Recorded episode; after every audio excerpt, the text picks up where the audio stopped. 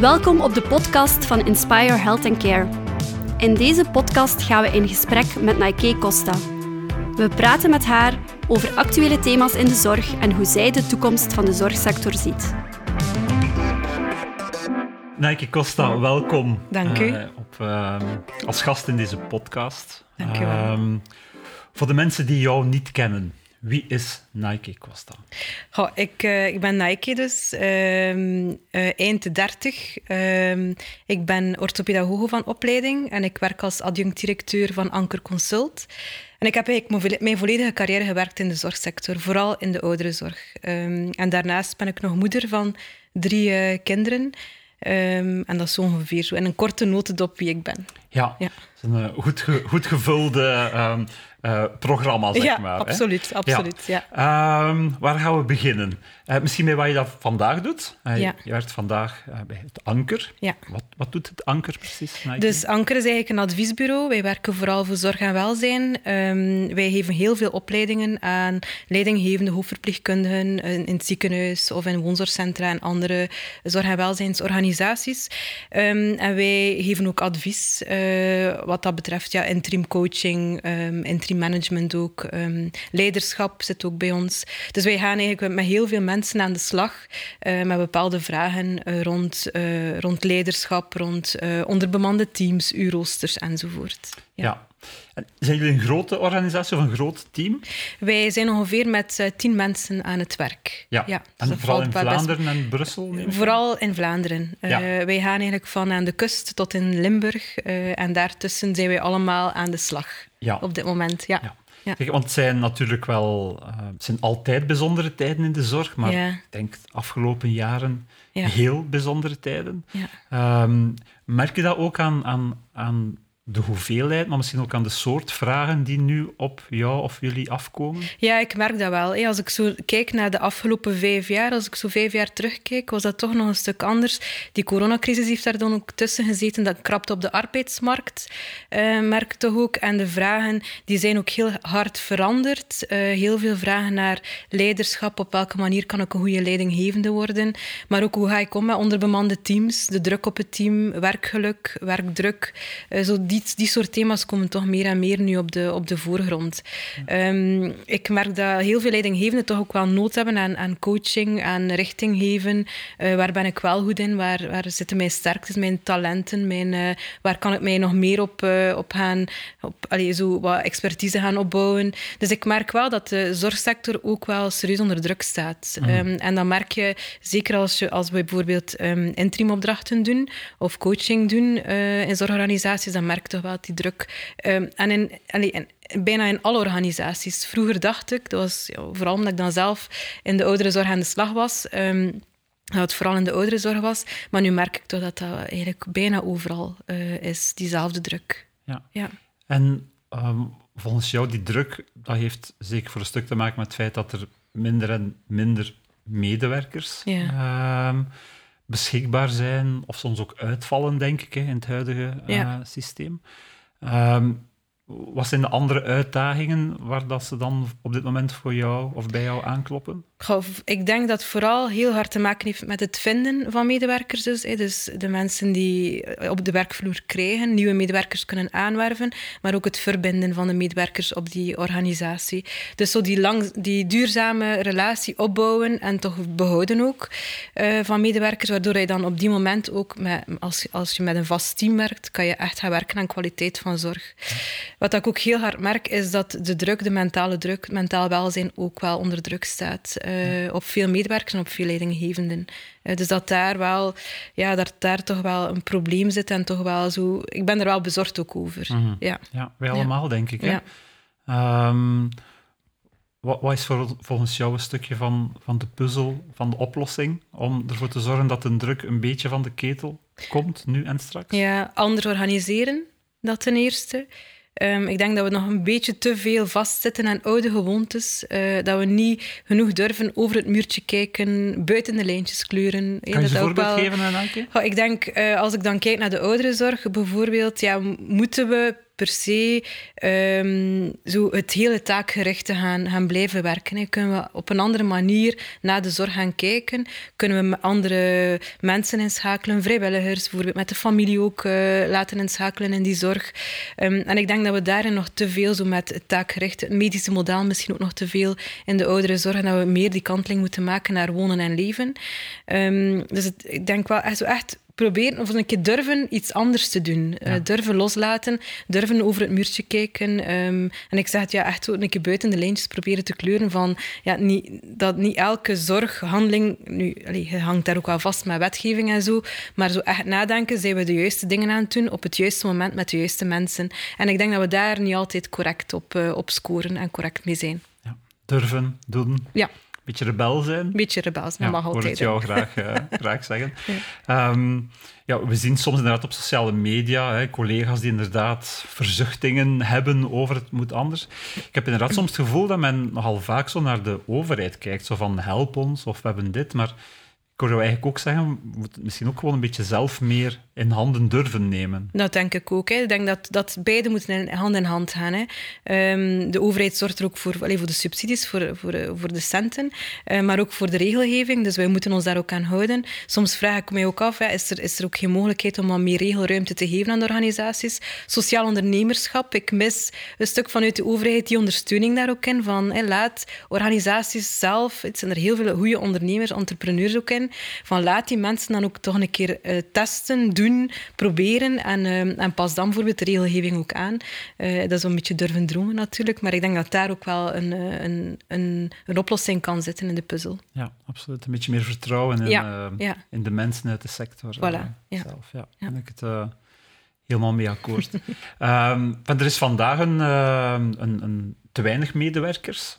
Uh, al te weinig medewerkers, moet ik zeggen.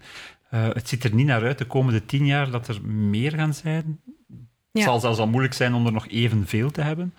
Um, wat moet er nog gebeuren behalve meer mensen proberen aan te trekken in de sector? Ik denk ja, vooral meer mensen. We hebben meer handen nodig. Hè. Als ik nu op dit moment in, op mijn opdrachten zelf nu kijk, dan heb ik daar vooral meer mensen nodig. Um, de komende tien jaar is het is echt belangrijk dat daar meer instroom op, komt. Dat mensen uh, beseffen van het is echt wel fijn om te werken ook in de, in de zorgsector. Er gebeuren daar heel veel mooie dingen. Dus we hebben ook heel veel nood aan een positieve beeldvorming over de zorgsector in het algemeen. Dat het niet allemaal kommer en kwel is en dat er heel veel mooie dingen gebeuren. En ik zie nog altijd veel te weinig, veel te weinig verschijnen. Uh, als het eens in het nieuws komt, dan, dan is het ja, bijna altijd negatief en uh, wat er allemaal verkeerd is gelopen. Maar de mooie verhalen zien we niet. Dus ik denk dat ook vooral zo die beeldvorming toch moet, moet veranderen en dat mensen moeten hoesting krijgen om iets te kunnen doen in de, in de zorgsector.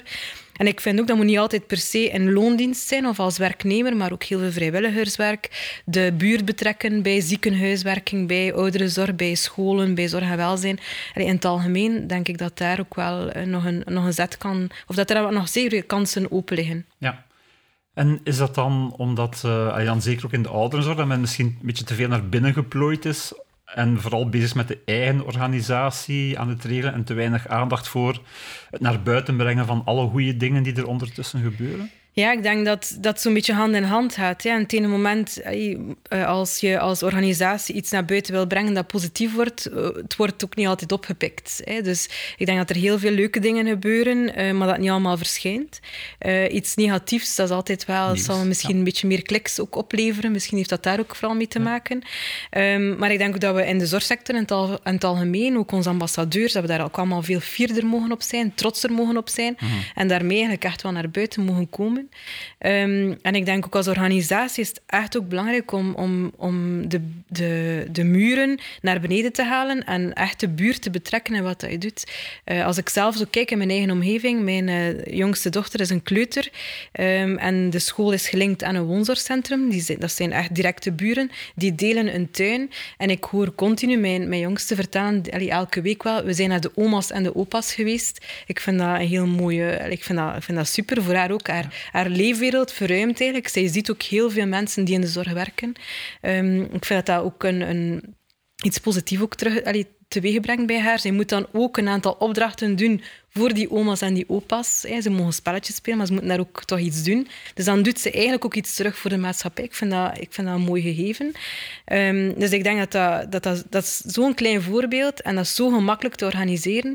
En ik denk dat dat doet dat maar meer. Trek die deuren open, doet die muren naar beneden en haal de buurt alstublieft naar binnen. En ga ook met die woonzorgcentrum ga ook naar buiten. Doe dat ook maar. Ja, want concepten als de rusthuisklas en dat soort van dingen, dat is natuurlijk fantastisch. Hè? Ja, ja, ja. En het is misschien ook daar dat je, om terug te komen op het volgende punt, dat we misschien een beetje meer durf moeten hebben om dat soort van dingen ook gewoon te doen. Hè? ook al staat het niet misschien, niet misschien ergens in een regeltje of een lijntje of wat dan ook. Maar het zijn dat soort initiatieven die het net de moeite waard maken en net voor die verbinding zorgen. Uh, ja, denk En ook die positieve beeldvorming, voilà, uiteraard. Voilà, inderdaad. Want er zijn ook heel veel uh, mensen die zo naar een woonzorgcentrum kijken zo met het idee van daar wil ik nooit geraken. Maar als ik dan zie, als je dan toch een keer binnen gaat op een dag van de zorg of, of op een open deurdag, of ik weet niet wat dat er dan ook georganiseerd of als, als er een cafetaria is en er is een mooie wandeling en je kan in die cafetaria nog iets lekkers gaan, gaan drinken of eten, dan, dan merk je toch aan, maar het is hier toch wel mooi, het is hier toch niet zo veel kommer en kwel zoals ik eigenlijk gedacht had. Um, want het is zo'n beetje onbekend is onbemind. Uh, en men kijkt daar zo wat angstig naartoe, hoor ik toch vaak. Mm. Maar van dat ik zo het gevoel heb van, allee, maar dat is nu toch niet... Maar dat is natuurlijk omdat ik daar ook zo hard en zoveel in gewerkt heb, ja, dat het voor mij anders is. Hè. Maar, um, ja, ja. maar muren naar beneden halen. Ja, en de deuren openen. En de deuren openen, aansluiting zoeken bij wat er is en leeft in de omgeving, in de buurt. Dat is natuurlijk iets wat we, denk ik, moeten op inzetten. Hè. Niet alleen vanuit ouderenzorg, maar denk alle sectoren uit de zorg- en welzijnssector. Zeg, Nike, je bent ook uh, een hele tijd echt actief geweest, ook in een uh, woonzorgcentrum of in een groep van ja. woonzorgcentra. Uh, je hebt dan de overstap gemaakt naar het Anker. Mm -hmm. kan je iets vertellen over waarom dat je die overstap gemaakt hebt? Goh, ik denk, um, ik was eigenlijk op het laatste heel veel bezig met het uh, meenemen van, van mijn collega's op een traject. Uh, nieuwe directeurs um, ja, wegwijs maken in de groep, maar ook wegwijs maken in de, in, het, in de job als directeur. En ik voelde wel dat daar wel iets was dat voor mij wel uh, heel veel vreugde bracht. Mm. Ik deed dat eigenlijk ook heel, heel graag om, om mensen naar mee te nemen. En, en, ja, wat is dat nu? Wat betekent het nu om als directeur van een woonzorgcentrum aan de slag te gaan? Waar leg je de accenten? Waar liggen de moeilijkheden? En, en daar, daardoor is het eigenlijk voor mij zo wel een beetje gestart, een beetje beginnen kriebelen van eigenlijk wil ik daar eerder uh, in verder doen. Um, en ook het geven van de opleidingen trok mij enorm aan. Dus ik mag af en toe ook een opleiding geven aan... Uh, ik heb al heel veel jonge um, hoofdverpleegkundigen gezien, diensthoofden, teamcoach, dat heeft allemaal zo het, het coachgegeven zit daar ja. nog heel vaak in. En ik vind, um, ik vind het zo fijn om met die mensen ook een handslag te werken rond één thema. Um, en om ze eigenlijk mee te nemen en met mijn ervaring ook, om dat daar ook met, hen, met hun ervaring ook samen te leggen.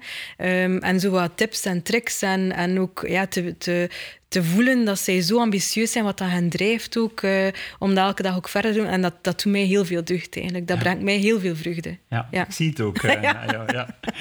Ja, uh, nee, en als je zo ehm, terugkijkt, hè, nu al op jouw mm -hmm. carrière hè, als dertiger. Um, eind de dertiger. Eind de dertiger. dertiger klinkt wel. Beter wel, ja. Um, wat zijn zo de hoogtepunten dat je zo echt met heel veel plezier en voldoening zo op terugkijkt? Ja.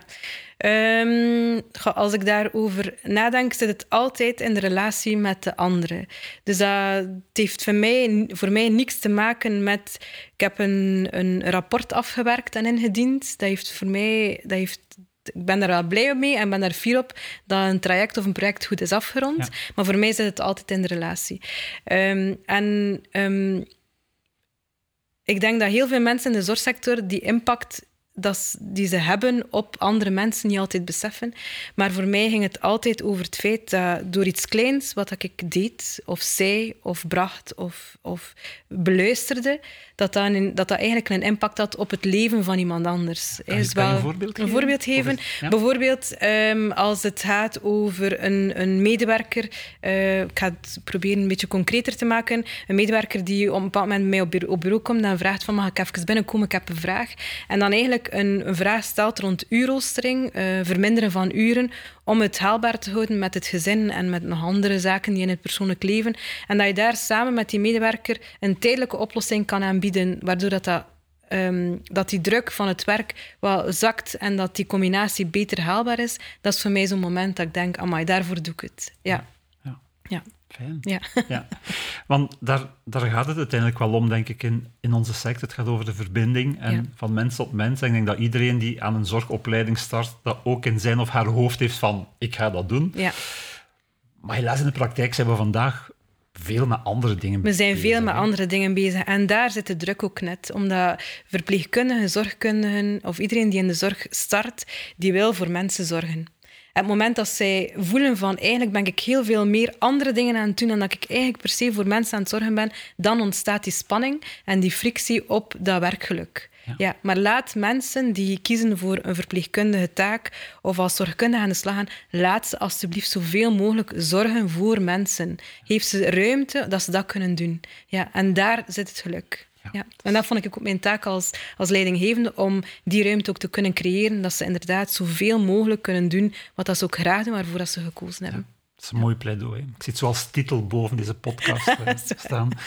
Ehm, en kan, ehm, kan technologie, kan innovatie daarbij helpen om mensen meer met mensen te laten bezig ja, zijn? dat denk ik wel. hè. Ik denk dat er eh, heel veel eh, apps of zaken zijn, technologie, digitalisering, dat er kan voor zorgen dat dit allemaal wat sneller gaat, eh, wat efficiënter gaat, waardoor je dan inderdaad tijd en, en ruimte vrij krijgt om met mensen bezig, bezig te zijn.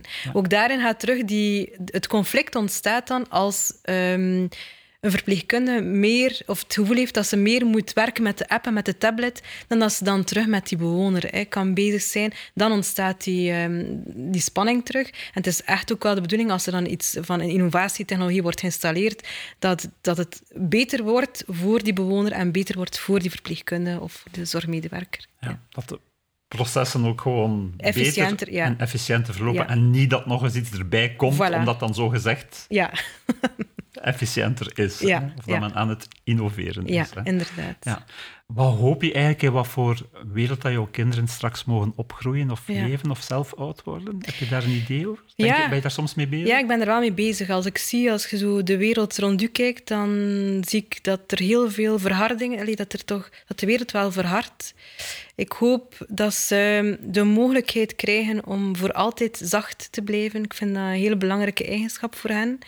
Ehm, ik hoop dat ze ehm, altijd een plaats gaan hebben waarbij dat ze zich veilig kunnen voelen. Dat ze, ehm, en ik hoop ook dat ze een plaats kunnen hebben waar ze af en toe mogen falen. Ik vind het zo belangrijk, ik vind voor hen heel belangrijk dat ze eh, mogen, mogen uitproberen, dat ze mogen durven, maar dat er ook iets mag mislukken. Ehm, en dat ze ook daaraan terug mee aan de slag kunnen. Eh, en dat ze op die manier ook veerkracht kunnen ontwikkelen, weerbaarheid kunnen ontwikkelen. Maar ehm, allee, over het algemeen hoop ik dat ze toch hun zachtheid, dat ze nu ook hebben, en dat ik zo heel hard probeer te beschermen wel, ehm, dat ze dat voor altijd mogen houden. Ja. Ja. En hoop je ook dat ze in de zorgsector gaan werken? Ik moet zeggen, ehm, we vragen dat wel soms, wat, wat ga je later doen? Ehm, en de jongste die, wel, die heeft zo'n periode gehad dat ze oma wil worden. Ehm, ja, ehm, en dan de twee oudste, soms wordt dat wel zo gezegd, ik wil wel verpleegkundige worden of ik wil dokter worden. Eigenlijk voor mij is dat allemaal gelijk als ze maar gelukkig zijn. En ja, ergens is dat wel iets moois, het feit dat ze daar nu al aan denken, dat ze zich dan kunnen inzetten voor iemand anders. Dus ik vind dat ik wel mooi, maar voor mij is het eigenlijk allemaal gelijk, als ze maar gelukkig worden. Ja, Vooral dat is, dat. waar. Dat is Ja. belangrijk. hè? Ja, dat is het belangrijkste. Zeg, en dat, dat, dat durven ehm, mislukken, hè? Ja. of durven, mogen, Mogen, eh, dingen doen, ondernemen, mislukken. Ja, dat is ook iets dat we in de zorg nog een beetje moeten leren, denk ik, hè. Absoluut, absoluut. Ja, als het dan gaat ook onze, als onze, over onze opdracht als eh, leidinggevende. Ehm, er, is, er is, wordt zoveel gezegd over leiderschapsstijlen en ik voel mezelf het comfortabelst bij alles wat dat coachend is en verbindend, waarderend en zo. Maar ik vind moedig leiderschap toch ook een belangrijke. Ehm, en ik voel me daar ook heel comfortabel bij. In die zin dat ik het belangrijk vind dat uw team Ehm, dat je als, ik als leidinggevende je team de mogelijkheid heeft om ook te durven, om te proberen, maar ook om te falen. En dat je als, als team ook veerkracht ontwikkelt. Dus dat de veerkracht niet enkel afhankelijk is van de individuen, maar ook de ve- de veerkracht van je team. En het is echt ook wel belangrijk dat ze dingen mogen uitproberen en dat ze in een veilige omgeving dat mogen uitproberen. Ehm, en dat ze, dat ze ja, ook af en toe mogen het moeilijk hebben, het lastig hebben, ook dat ze mogen struikelen. En dat ze van daaruit ook dingen moeten leren en dan terug ehm, verder gaan. En het is onze, onze opdracht als leidinggeven om dat proces ook te begeleiden. Ja. ja. En merk je dat dat vandaag nog moeilijk is in Ja. organisaties, Ja. zo dat, die mindset? Ja, dat, dat denk ik wel. Ehm, ik merk toch zo het, soms wel een beetje een gebrek aan durf. Als leidinggevende wordt er heel vaak de- het aapje wordt op je schouder gezet voor het, het, eh, het eh, ehm, kiezen van moeilijke zaken of, of bij conflicten. En ik zie toch dat het soms moeilijk is om zo echt het conflict toch aan te gaan en toch te kijken van oké, hoe kunnen we dat hier oplossen, oplos- oplossingsgericht gaan werken, maar ook om knopen door te hakken, ook moeilijke beslissingen te nemen. En ik vind de leidinggevende moet dat echt ook kunnen. Ehm, dat is echt uw taak en je moet daarvoor ook die moed ook hebben. Ehm, en, en dat mis ik wel inderdaad wel. Soms dan zie ik wel zo van, maar doe maar, durf maar. Het komt ook wel allemaal altijd goed. Dus ja, ja, ja. en dat, dat vind ik wel dat daar wel nog een zekere groeimarge op zit. Ja. Ja.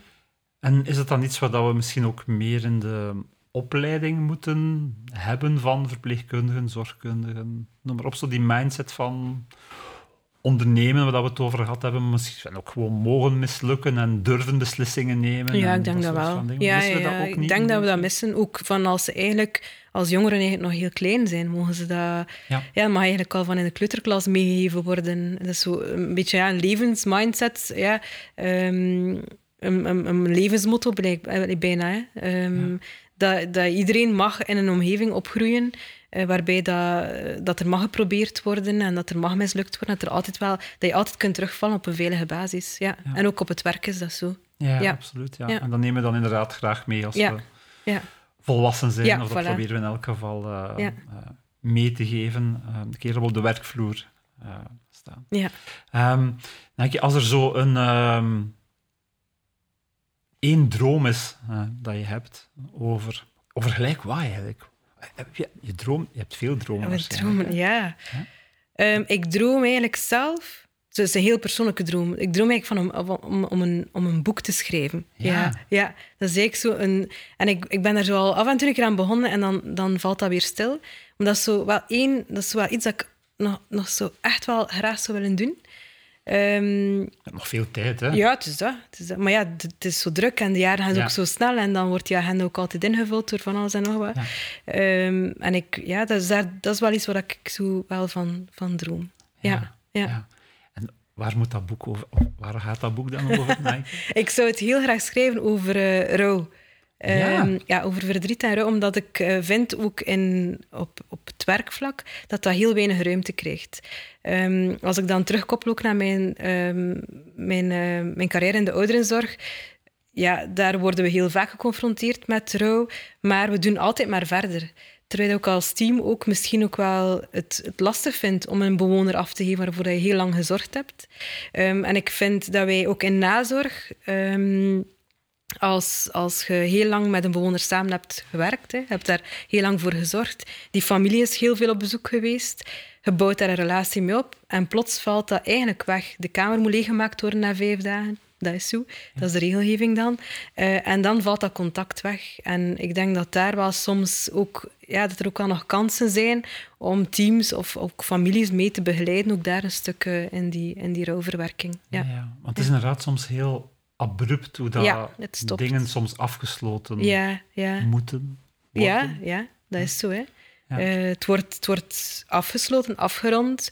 Er komt nog een kaartje vaak of een doos pralinen eh, als bedanking, wat dat altijd heel fijn is. En dan ja, stopt dat zo precies. Ehm, en ik merk wel dat er heel veel... Ik heb altijd ook wel gemerkt dat medewerkers dat daar soms ook wel last mee hebben. eh, Dat het zo abrupt stopt. Dus ik vind rouw in het algemeen een, een thema dat onderbelicht wordt, eh, waar er heel weinig over gesproken wordt. Als je zelf naar een een begrafenis gaat ook, ja, men heeft de taal bijna niet, men heeft de woorden bijna niet om, om, te, om iets te zeggen. Eh, ook na, na een week of drie ja, of vier, en je komt dan iemand tegen die, die dan een rouw of die iemand verloren is, dan wordt dan is het nog altijd moeilijk om daar iets over te zeggen. Mogen we het nu wel uitspreken? Mogen we de naam nu zeggen? Of niet of wel? Ik vind dat, altijd, ik vind altijd een heel eh, beladen thema. Terwijl ik denk dat het net een heel mooi thema zou kunnen zijn. Ja. En misschien wel het belangrijkste thema in de mensenleven. Misschien wel, ja. Ja? ja. Dat is een van de enige zekerheden in het leven. Ja, ik, ja, dat je afscheid neemt van eh, een aantal mensen. Ja, Ja. En inderdaad, het lijkt alsof dat er in onze samenleving, en dan zeker ook in de ouderenzorg, Ja. maar dat we ja, mensen toch, zeker in een woonzorgcentrum, dat is toch echt ja, de laatste fase van een leven, hè, doorgaans. Ehm, dat dat net iets heel existentieels en heel belangrijks is. Ja. En eh, het is misschien net daar dat er tijd en ruimte zou moeten voor zijn Ja, om dat op een goede manier Ja. nog mee bezig te zijn. Ja, ik denk dat ook. Dat daar toch nog heel veel kansen liggen, ook in zorg naar medewerkers, maar ook in zorg naar de, naar de omgeving van die bewoner toe. Ja. Ehm, ja, ik geloof daar wel in. Ja. We kijken uit naar jouw boek. Dat is goed. ja, Wanneer begin je eraan? Ik weet dat eigenlijk nog niet zo goed, als ik tijd heb. Ja, want ja, af en toe eh, heb ik het genoegen om jouw eh, posts op, eh, op Facebook en zo Ja. te lezen. Je schrijft wel heel goed, hè? Ja, dat is altijd recht vanuit het hart. eh, recht van wat dat er mij op dat moment ook bezighoudt. Ehm ik heb niet altijd door wat het effect is, of wat de, de impact is op bepaalde mensen. Maar als ik dan iets schrijf... Ik heb ehm, nu onlangs iets geschreven over mijn oma die overleden is. Het was een jaar geleden. Ehm, en ik had van haar, een, toen dat ze nog leefde, een orchidee meegekregen. Dat was zo een van haar laatste opdrachten, neemt die orchidee mee. Maar ik heb die orchidee, jammer genoeg, mijn vingers zijn niet groen, groen genoeg, kunnen levendig houden. En dus ja, dat was voor mij zo echt een moment van zoveel diep verdriet. Het afscheid van mijn oma had. Maar dan na een paar maanden was die, die stomme orchidee ook wel gestorven. En ja, dus ik had daar iets over geschreven, maar de impact daarvan, ik had dat effect niet, niet ingeschat. Mensen die dat heel herkenbaar vinden, die zeggen van, oh ja, ik heb dat ook nog gehad. Iets, iets kleins die mij dan zo verdrietig maakt. Het verdriet die dan op dat moment zo heftig terug naar boven komt. Ehm, dus ja, ik schrijf wat dat er mij op dat moment bezighoudt. Dat, komt, dat is heel authentiek, dat is heel echt. Eh, maar ik moet misschien ook wel proberen in te schatten wat het effect ook soms kan zijn. Ja, Ja. ja. Waarom is Inspire Health and Care zinvol of relevant, ook voor jou, voor Ja. de sector? Voor de sector sowieso vind ik het super relevant hè, om elkaar te ontmoeten. Eh eventjes uit die dagelijkse eh, ehm, molen te stappen en met je laat- te laten inspireren door sprekers, door mensen die je tegenkomt, door zaken die je ziet op dat moment op de, op de beurs. Ehm, dus vooral dat is voor mij wel een, een, een belangrijk item om daar, om daar zeker naartoe te gaan. Ik vind het ook altijd leuk om daar zelf ook te zijn, om echt ja, die ontmoeting te hebben, het netwerken, en maar ook jezelf te laten inspireren. Ja. Terug ook zo over dat muurtje te kijken, misschien wel een keer buiten de lijntjes te proberen kleuren en dat mee te nemen naar, eh, naar je eigen organisatie. We zijn nog volop bezig met het samenstellen van het programma. Als er zo één iemand is waarvan je zegt, "Goh, daar wil ik heel graag naartoe luisteren, dat is iemand die mij inspireert. Wie is Als, dat dan? als ik zelf mag kiezen, echt, dan kies ik 100% voor eh, Dr. Binu Singh. Ja, Ja, absoluut. Ja. absoluut. Haar boek over... Ze heeft een boekje geschreven van hart tot hart. klopt. eh, rond verbinding, eh, rond de eerste duizend dagen van het eh, mensenleven. Ehm, ik, hou dat boek, ik heb dat boekje gekregen van ehm, mijn beste vriendin. Ehm, en ze heeft daar ook zelf nog iets bij geschreven. Dus voor mij is dat wel een item die heel belangrijk is.